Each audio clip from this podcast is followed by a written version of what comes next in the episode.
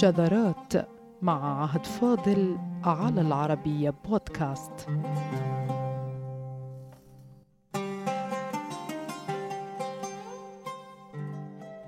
لا تتوقف العودة بين الفينة والأخرى إلى الكلمات العربيات العاميات لإيضاح معناها وأصلها وما إذا كانت عربية أم معربة أم دخيلة.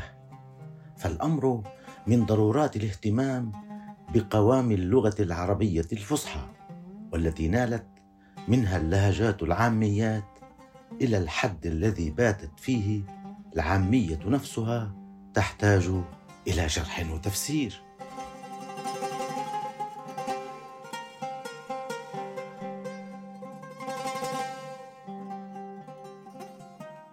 وهذه كارثة بكل المقاييس.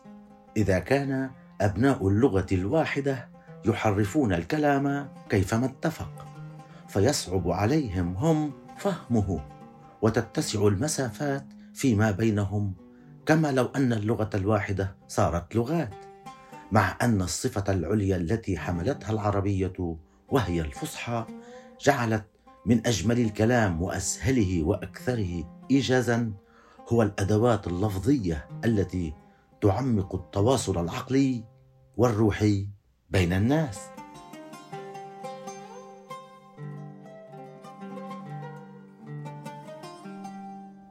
هل من المعقول أن تبتعد لهجات عربيات عن الفصحى الأم إلى الدرجة التي بات فهمها يتطلب ترجمة عربية لها؟ كما لو أنها لغة أعجمية أو أجنبية. الوصول إلى هذه الدرجة من الابتعاد عن العربية الأم يتطلب تدخلا عاجلا ليس من النخب المثقفة وحسب بل من الدول العربية نفسها. ذلك أن إسهام الحكومات حاسم في الترويج للعربية الصحيحة وإن لم يكن فالعربية المبسطة التي وإن تجنبت تحريك أواخر الكلم للفرار من رقابه النحو والإعراب فإنها تبقي الكلام عربيا مفهوما قابلا لنقل الأفكار بين طرفين أو أكثر من دون تحطيم قواعد اللغة.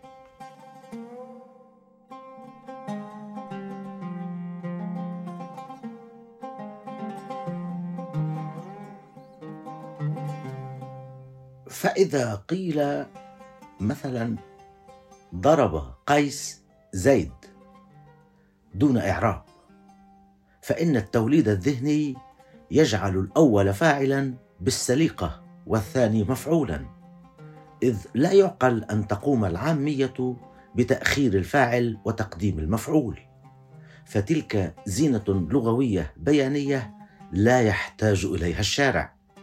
وهذا هو سبب فهم العوام للكلام دون إعرابه.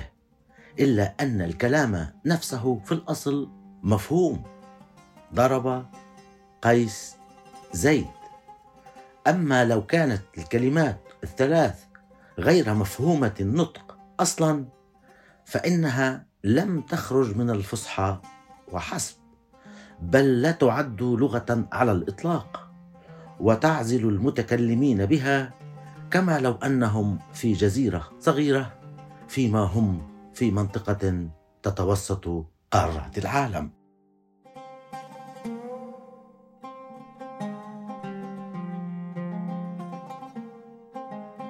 الفصحى أو اللغة العالية والتي اتفق على مفرداتها وجمالياتها وطرقها هي في الأصل لسان جمعت فيه ألسنة العرب كافة. وفيما نحن نميز الآن وبقوة ما بين عامي وفصيح كانت العربيات الفصيحات أيها السادة عاميات.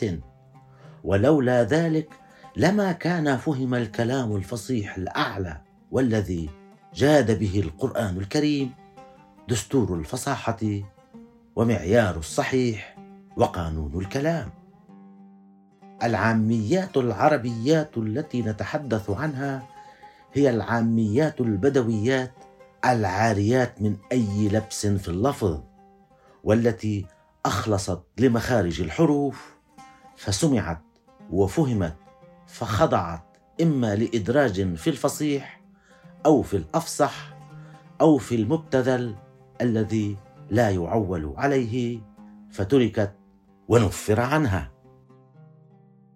بعض العاميات العربيات الآن لا يفهم فيها الحرف نفسه. وإن سمعت الكلمة فلا يعرف عدد أحرفها ويجهل ما إذا كانت سينا أم صادا أم دالا أم ضادا أم ثاء أم نونا. هي باختصار لا تستجيب لقانون الحرف العربي الملفوظ فذلك الحرف يتطلب آلة اولا لإخراجه من الفم ثم تطورا اجتماعيا واستعمالا كثيرا كي توضع المسافات الزمنية القصيرة للغاية ما بين حرف وآخر في الكلمة. فيكون زمن نطق حروف الكلمة متعارفا عليه ومقبولا فيتبع ويعلم. فأن تقول مثلا كلمة جيد فلا يمكنك الإطالة بلفظ الجيم أكثر مما يتطلبه اللسان أو الإطالة بلفظ الياء المشددة وإن أطلت ضاعت الكلمة ضياعا تاما لأن سرعات نطق الأحرف في كل كلمة تحدد معناها تماما.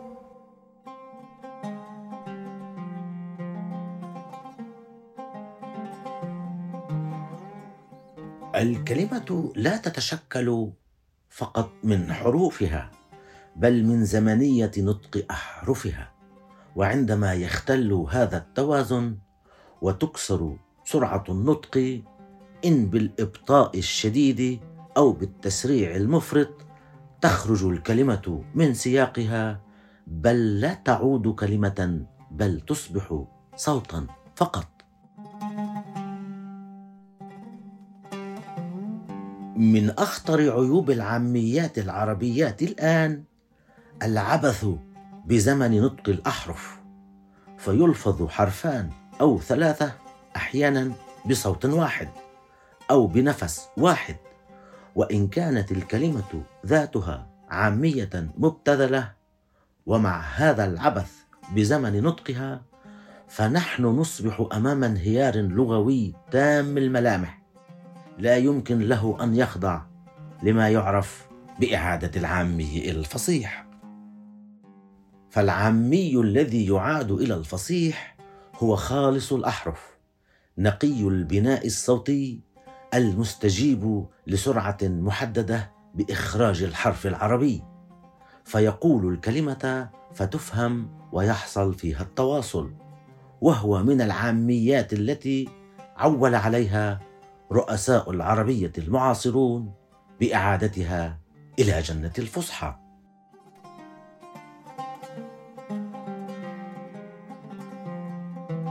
العربية الفصحى أيها السادة لها نظام صوتي مميز. جعلها غاية لصانعي الأدب والشعر والفن إذ ليس بالمصادفة أن العرب يعشقون الشعر. وليس بالمصادفة أن الشعر ديوانهم.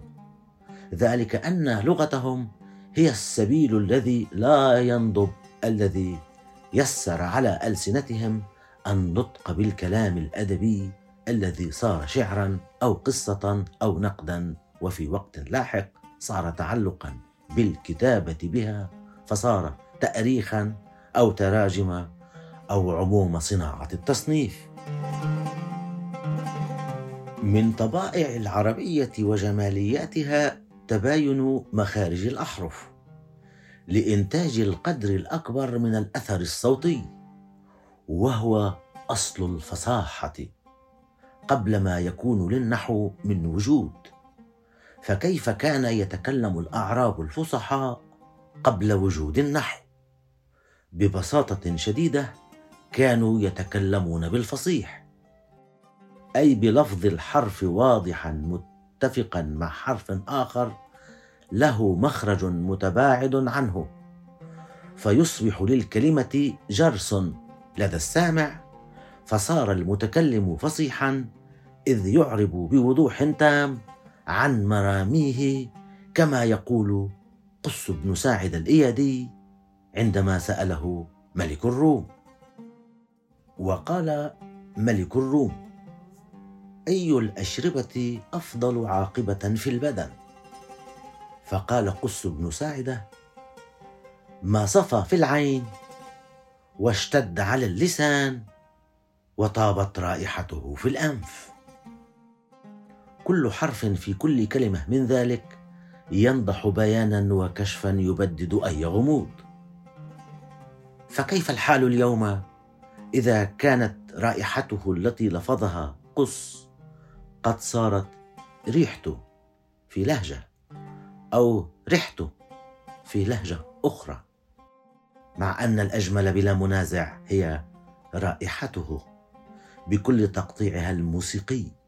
هذا إذا لم ننسى الأنف الذي أصبح يقال له منخار وهو من أشنع بدائل الكلمة العربية الفصيحة الأنف الذي هو عضو الشم وفي الوقت نفسه عند العرب إشارة إلى العلو والرفعة والكرامة والاعتزاز بالنفس.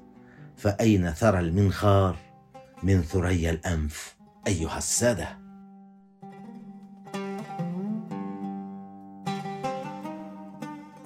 عاميات العرب القدامى كانت الأرض الخصيبة للفصحى فاختارت منها ما تشاء ذلك أن عاميات أجدادنا العرب كانت بوضوح ألفاظها ومخارج أحرفها فقدمت للنحوي أو اللغوي كل ما فيها من إمكانيات دلالية ولسانية فكانت غالبية كلمات لهجات العرب جزءا من الفصحى وما أخرج منها قليل يكاد لا يذكر وإن زاد فيدرج في اللغات خاصة وأن القياس المعتمد كان في القياس على أكثرية الاستعمال.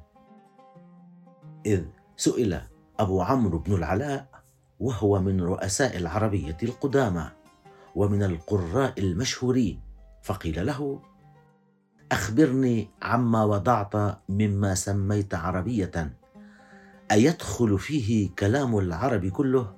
فقال ابن العلاء لا. فسئل فكيف تصنع فيما خالفتك فيه العرب وهم حجة؟ فقال أحمل على الأكثر وأسمي ما خالفني لغات. ولهذا فالمنقول من الحديث الشريف بأن القرآن أنزل على سبعة أحرف هو مصدر فهم تنوع العاميات العربيات التي منها بدأ الفصيح والأفصح.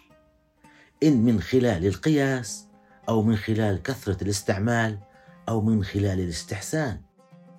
ولتنوع اللسان المسمى احرفا أو لهجات صار في الفصحى أكثر من فصحى لتنوع مادة اللسان العامي الذي ترك آثاره حتى على تعدد قراءات القرآن الكريم.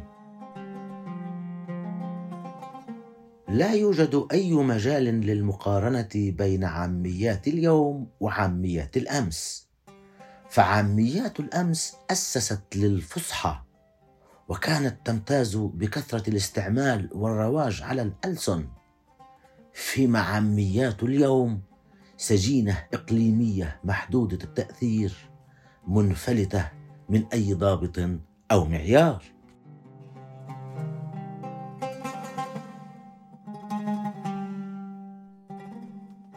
في عاميات الأمس وصل الأمر إلى هذا الحد وهي واحدة من روائع قصص الفصحى بين عاميات العرب.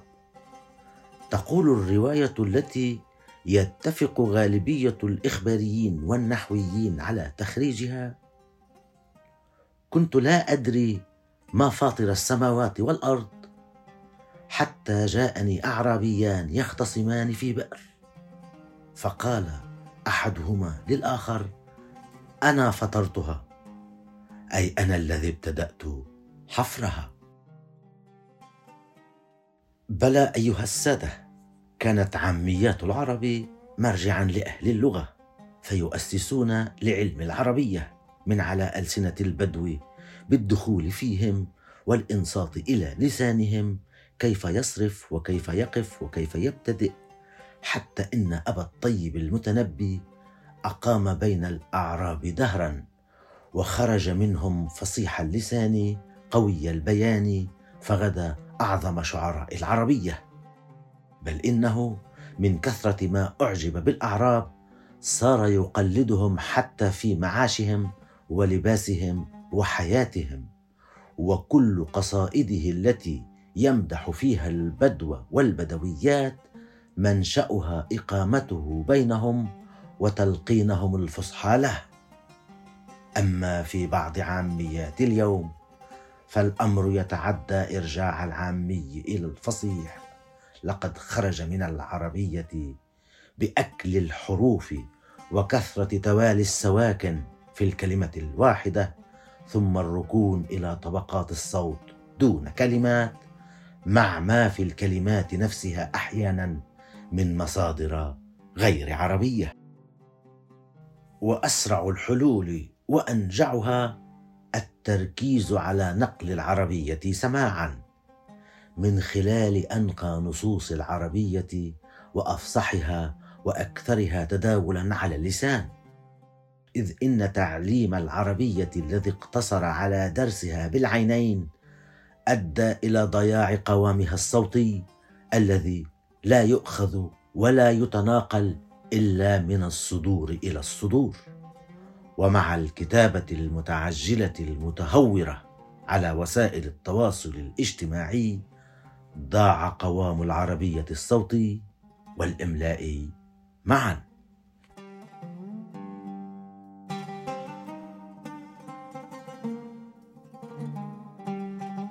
الأزمة في العامي لا في الفصيح. وعندما يتكلم عن راهن العربية يخلط بين قاع العاميات الآن وقمة الفصيحات. وسنقدم في الحلقة القادمة طيفا واسعا من كلمات عاميات عربيات لم تقطع صلتها بالعربية الأم إن ببنائها الحروفي وإن بمدلولها الشائع. وهي بذلك عاميات يعول عليها كما كان يعول على عاميات الأمس التي جاءت منها الفصحى. فإلى اللقاء.